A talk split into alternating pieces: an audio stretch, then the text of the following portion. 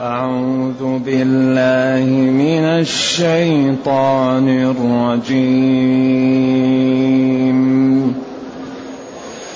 والذين يرمون المحصنات ثم لم يأتوا بأربعة شهداء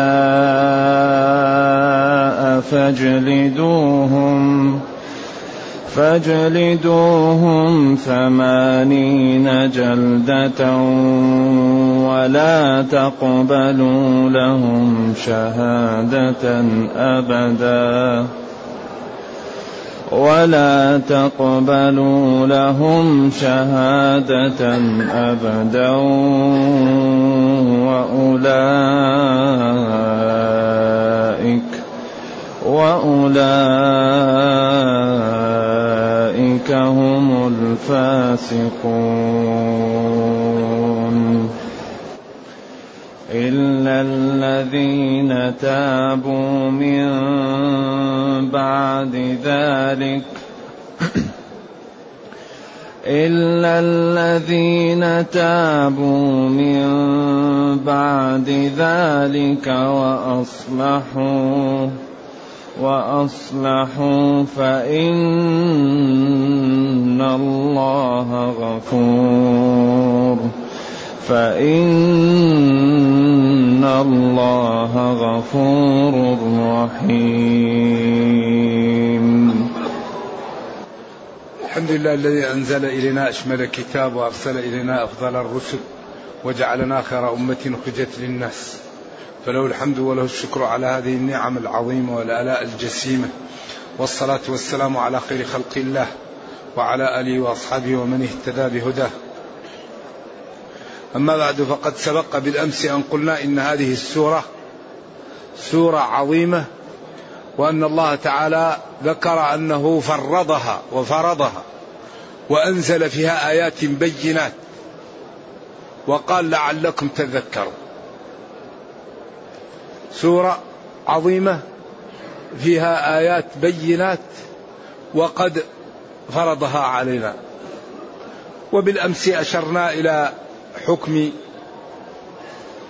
عقوبة الزاني وأن الزنا هو اتصال رجل بامرأة غير حلال أو إدخال فرج في فرج مشتهى بالطبع من غير شبهة نكاح ولا بالحرام المحض.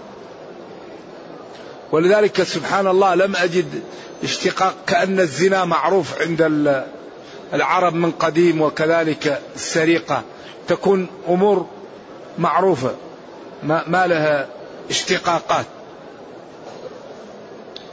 وأضر ما يضر الإنسان الزنا. لذلك الله يقول إنه كان فاحشة. وقد ثبت أنه يأتي بالأمراض ويأتي بالبلاوي وأن الإنسان إذا تعاطى الفاحشة كمن يشرب السم أرضى لأن يهلك. وبينا بالأمس أن الزاني إذا كان محصنا أنه يرجم وإذا كان بكرا غير محصن إنه يجلد مئة جلدة ويغرب سنة عند الجمهور. أما الإمام أبو حنيفة فرأى أن الزيادة على النص نسخ وأن حديث عبادة والتغريب عام زيادة على النص فلم يأخذ بها. لن كأنها تكون متعارضة مع الآية. والجمهور لا يروا ذلك. ولا يثبت الإحصان إلا بعقد صحيح ودخول الزوج بزوجته. إذا عقد ولم يدخل لا يكون الإحصان بالزواج والدخول. إذا دخل الزوج بزوجته. وعند ذلك تكون هي محصنة وهو محصن. أما إذا لم يكن دخول أو لم يكن زواج فهما غير محصنين. نعم. ثم قلنا الزاني لا ينكح إلا زانية أو مشركة والزانية لا ينكحها إلا زان أو مشرك كثير من العلماء قال هذا تنفير من هذا الأمر أي الزاني لا يقع منه الزنا إلا مع امرأة معروفة بذلك وهي الزانية أو مشركة لا لا تقر بتحريم الزنا.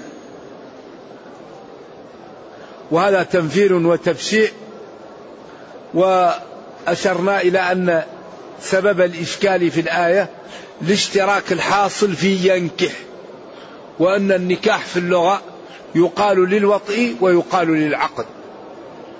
وهل هو أصل في الوطء مجاز في العقد أو هو أصل فيهما؟ أقوال للعلماء.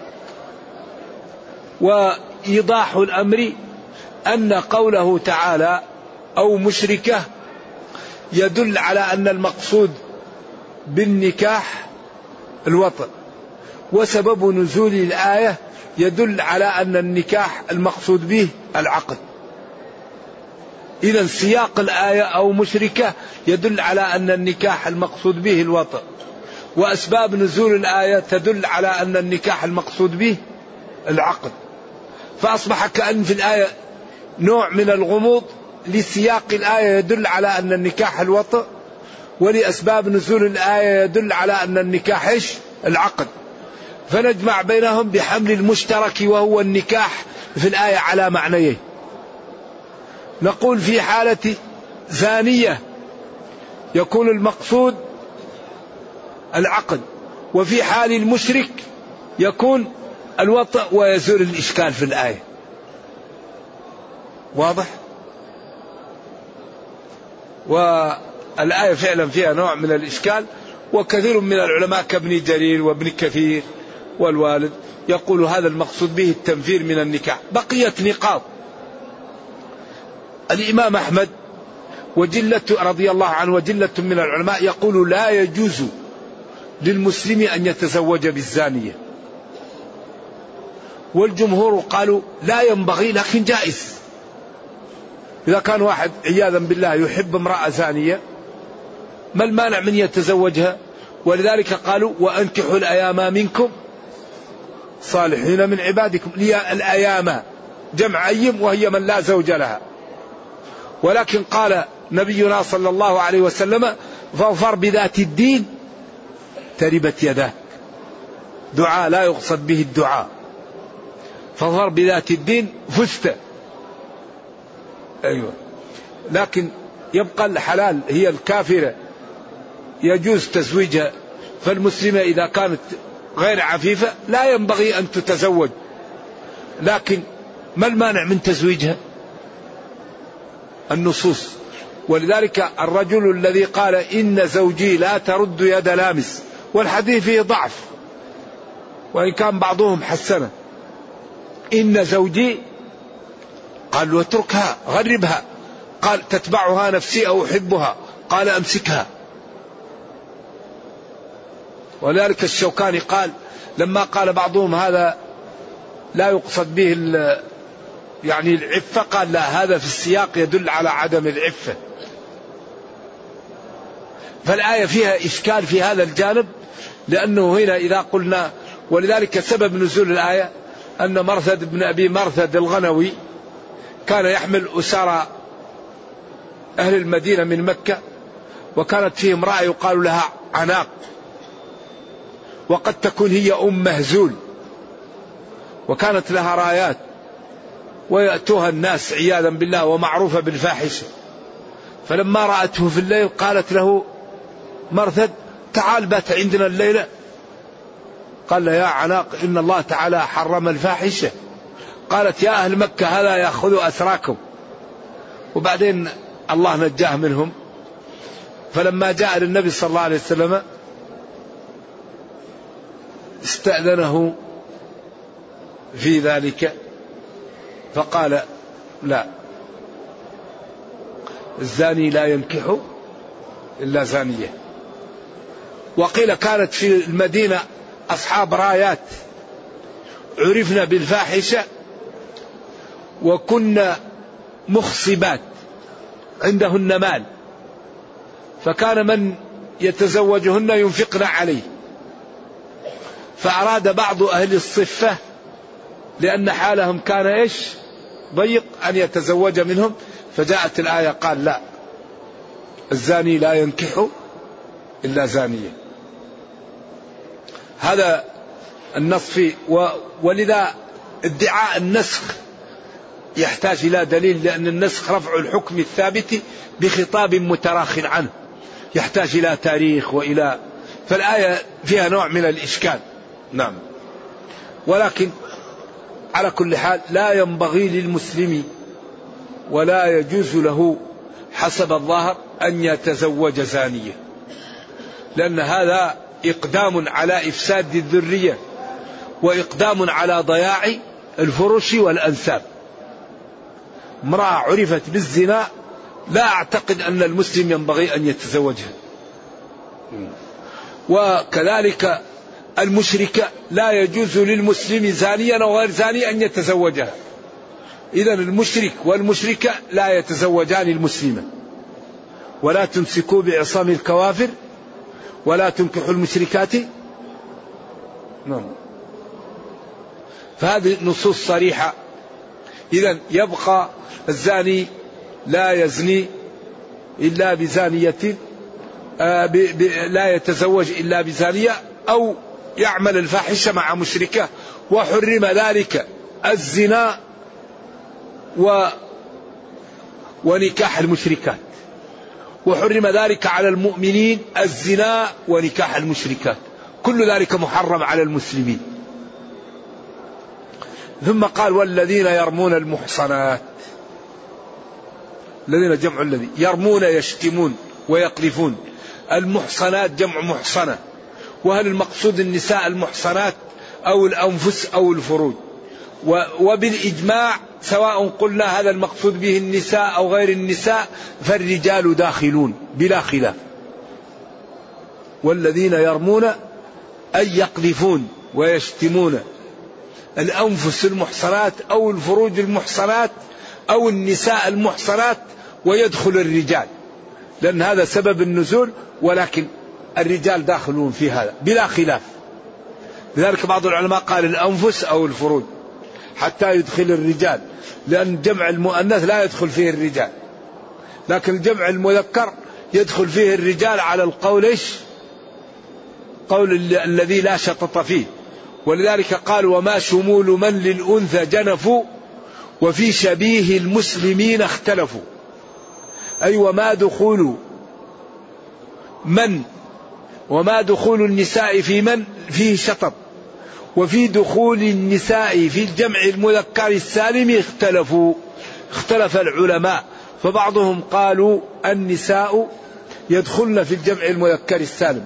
وبعضهم قال لا يدخلن وبعضهم قال نتوقف حتى نرى لأن الله قال إن المسلمين والمسلمات والمؤمنين والمؤمنات والقانتين والقانتات.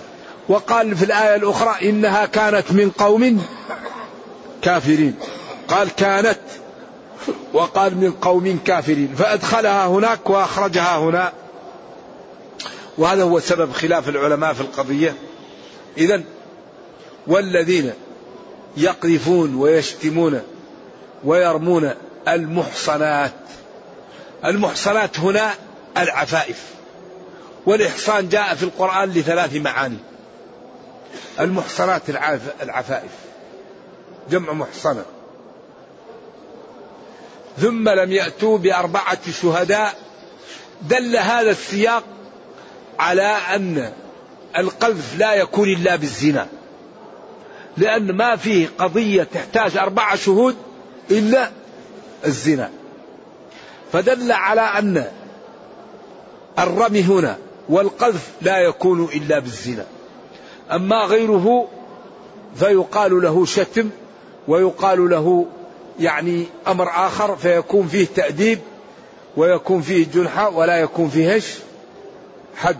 أما الحد في القذف وهو يعني نفي الرجل من أبيه أو اتهامه بالزنا. والذين يرمون المحصنات أي العفائف. ثم بعد أن رموهم بذلك لم يستطيعوا الإتيان بأربعة شهداء يشهدون على ذلك عدول يعاينون ويصرحون في مجلس واحد. الذين يفعلون ذلك افعلوا بهم ثلاثة أمور. الأمر الأول اجلدوهم ثمانين جلدة. الأمر الثاني لا تقبلوا لهم شهادة أبدا. الأمر الثالث وأولئك هم الفاسقون. ثم قال إلا الذين تابوا. إلا الذين تابوا وقفة بين الأئمة. فأبو حنيفة قال الاستثناء يرجع لأقرب مذكور. الجمهور قالوا الاستثناء يرجع إلى الجميع إلا من أخرجه دليل. فننظر فالأول لا يرجع له باتفاق والأخير يرجع له باتفاق والأوسط اختلفوا فيه. وهنا وقفة مع القاذف والمقذوف والمقذوف به. لأن هذا باب اسمه باب القذف وهذا جعله الله تعالى حفاظا على أعراض الناس وهو من الجواهر الستة. التي جاء الإسلام يحافظ عليها ويحميها ويحيطها بسياج حتى تبقى الأمة مصانة. لأن هذا الدين أول ما يصين الأمة. فأول صان الدين. ثم صان الأنفس. ثم صان الأعراض. ثم صان الأنساب. ثم صان الأموال. ثم صان العقول. الجواهر الستة. الدين والنفس والعقل والنسب والعرض والمال. وبعض العلماء يجعل النسب والعرض شيء واحد. لا النسب الحال والعرض الحال. ولذلك النسب في, في الزنا والعرض في القذف. كل منهم بمفرده. ذلك هذا الدين غاية في الجمال والحسن. فهو في القاذف يشترط فيه أن يكون عاقلا مكلفا وأن يكون القذف مصرحا مصرحا به. الجمهور يقول الكنايات لا تصلح في القذف. ومالك قال إذا كانت الكناية معروفة مثل مثل الصريح. كقولهم يا أخت هارون ما كان أبوك امرأة سوء وما كانت أمك بغيا. هذه كناية لكنها أشد من التصريح. وكقول الفرزدق للزبرقان بن بدر دع, دع المكارم لا ترحل لبغيتها واقعد فإنك أنت الطاعم الكاسي عمر قال هذا ما في شيء. المطعو المكسوم. فلما جاءوا لحسان قالوا هجاه قال لا هذا سلح عليه هذا الذي فعله أشد من الهجاء. إذا أحيانا الكنايات تكون أقوى من الصريح ويعلم ذلك. أما الشافعي وجماعة من العلماء قالوا لا يقبل فيه إلا التصريح. أما الكناية فلا تقبل والحدود تدرأ بالشبهات. وأن يكون وأن يكون بالزنا أو بنفي الوالد وأن يكون صريحا. ويشترط في المقذوف أن يكون عاقلا حرا بالغا. له استطاعة على الجماع له آلة. له آلة. يقدر على إيش؟ على الوطء ويشترط في المقذوف فيه به أن يكون الزنا أو النفي من إيش؟ من النسب. وبعضهم يدخل اللواط ولكنه يعني دخول محل نظر. هذه الأمور إذا تحققت وثبتت ولم يأتي القاذف بأربع شهود عند ذلك يجلد ثمانين جلدة كما تقدم. ولا تقبل له شهادة. وهذا اختيار أبي حنيفة ومما يرشح ذلك قوله أبدا بعدها. وأولئك هم الفاسقون إلا الذين تابوا. فأبو حنيفة قال تابوا فقط والجمهور يعود إلى الجميع إلا أن الأول خرج بالإجماع لأن القاذف لا علاقة لتوبته بجلده وإنما العلاقة بها هل للقذف حق للمقذوف أو للإمام. فإذا كان حق للإمام فهذا لا عفو فيه وإن كان للمقذوف فله أن يعفو عنه على الخلاف الموجود في ذلك. هل القذف حده للإمام أو للمقذوف؟ أقوال للعلماء. إلا الذين تابوا. والحقيقة أن الاستثناء لا يعرف إلا بتتبع القرآن. لأن أحيانا الاستثناء يرجع إلى الأخير وأحيانا يرجع إلى الأول وأحيانا يرجع إلى الوسط. إذا لا قول الإمام أبي حنيفة مضطرد ولا قول الجمهور مضطرد وإنما ذلك حسب التتبع. فحالا يكون للأخير كقوله تعالى في القتل الخطأ ومن يقتل مؤمنا خطأ فتحرير رقبة مؤمنة ودية مسلمة إلى أهله إلا أن يصدقوا هذا لا يعود إلى تحرير الرقبة وإنما يعود إلى الدية. لأن السياق واضح لأن تحرير الرقبة هذا حكم من الله ما له علاقة بتصدقهم ولا تصدقهم. وأحيانا يأتي ليس للأخير لدلالة السياق. ومن أراد الاستزادة في هذا فليرجع إلى نفس الآية في أضواء البيان في الجزء السادس. فإنه ذكر هذا وبينه. يبدأ هنا كيف القرآن صان الأمة. هذه الصيانة عجيبة. لذلك نهى عن الغيبة. ونهى عن النميمة ونهى عن تتبع عورات الناس. وجعل من يتتبع عورات الناس سيفضح. وجعل من يستر على إخوانه الله يستر عليه. من ستر على مسلم ستره الله. ومن تتبع عورات المسلمين تتبع الله عورته وفضحه في قعر داره. ولما نام الصحابي على عمامته ردائه وجاءه وجاء صحابي رجل ليسرقه واتى به للنبي صلى الله عليه وسلم فأراد أن يقطعه قال تركته له قال هل كان قبل أن تأتيني؟ هل كان قبل أن تأتيني؟ ولذلك هذه الحدود إذا لم تأتي للإمام يمكن تترك لكن إذا جاءت للإمام وثبتت ما يمكن تترك. فلذلك هذه الأمور الذي يفعل معصية يتوب إلى الله ولا يخبر الناس. إنسان عمل معصية يتوب ويستغفر ولا يخبر بها أحد.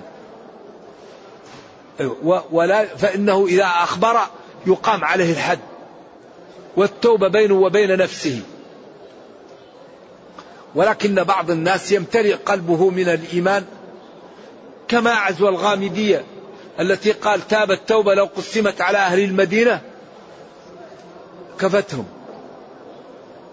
فأحيانا الإنسان يتوب توب لا يريد إلا أن يقام عليه الحد. هذا أمر وصل عنده يعني الإيمان إلى مرحلة عالية. لكن العلماء يقولوا من أتى شيئا من هذه الأمور فليستتر بستر الله وليتب إلى الله ولا يخبر بنفسه. وأولئك هم الفاسقون. إلا الذين تابوا من بعد ذلك وأصلحوا فإن الله غفور رحيم. الذين تابوا من بعد ذلك أي من بعد ما قارفوا الإجرام وقذفوا الناس فإن الله غفور لذنوب عباده رحيم بهم. نرجو الله جل وعلا أن يرينا الحق حقا ويرزقنا اتباعه وأن يرينا الباطل باطلا ويرزقنا اجتنابه وأن لا يجعل الأمر ملتبسا علينا فنضل. اللهم ربنا أتنا في الدنيا حسنة وفي الآخرة حسنة وقنا عذاب النار. سبحان ربك رب العزة عما يصفون وسلام على المرسلين والحمد لله رب العالمين. والسلام عليكم ورحمة الله وبركاته.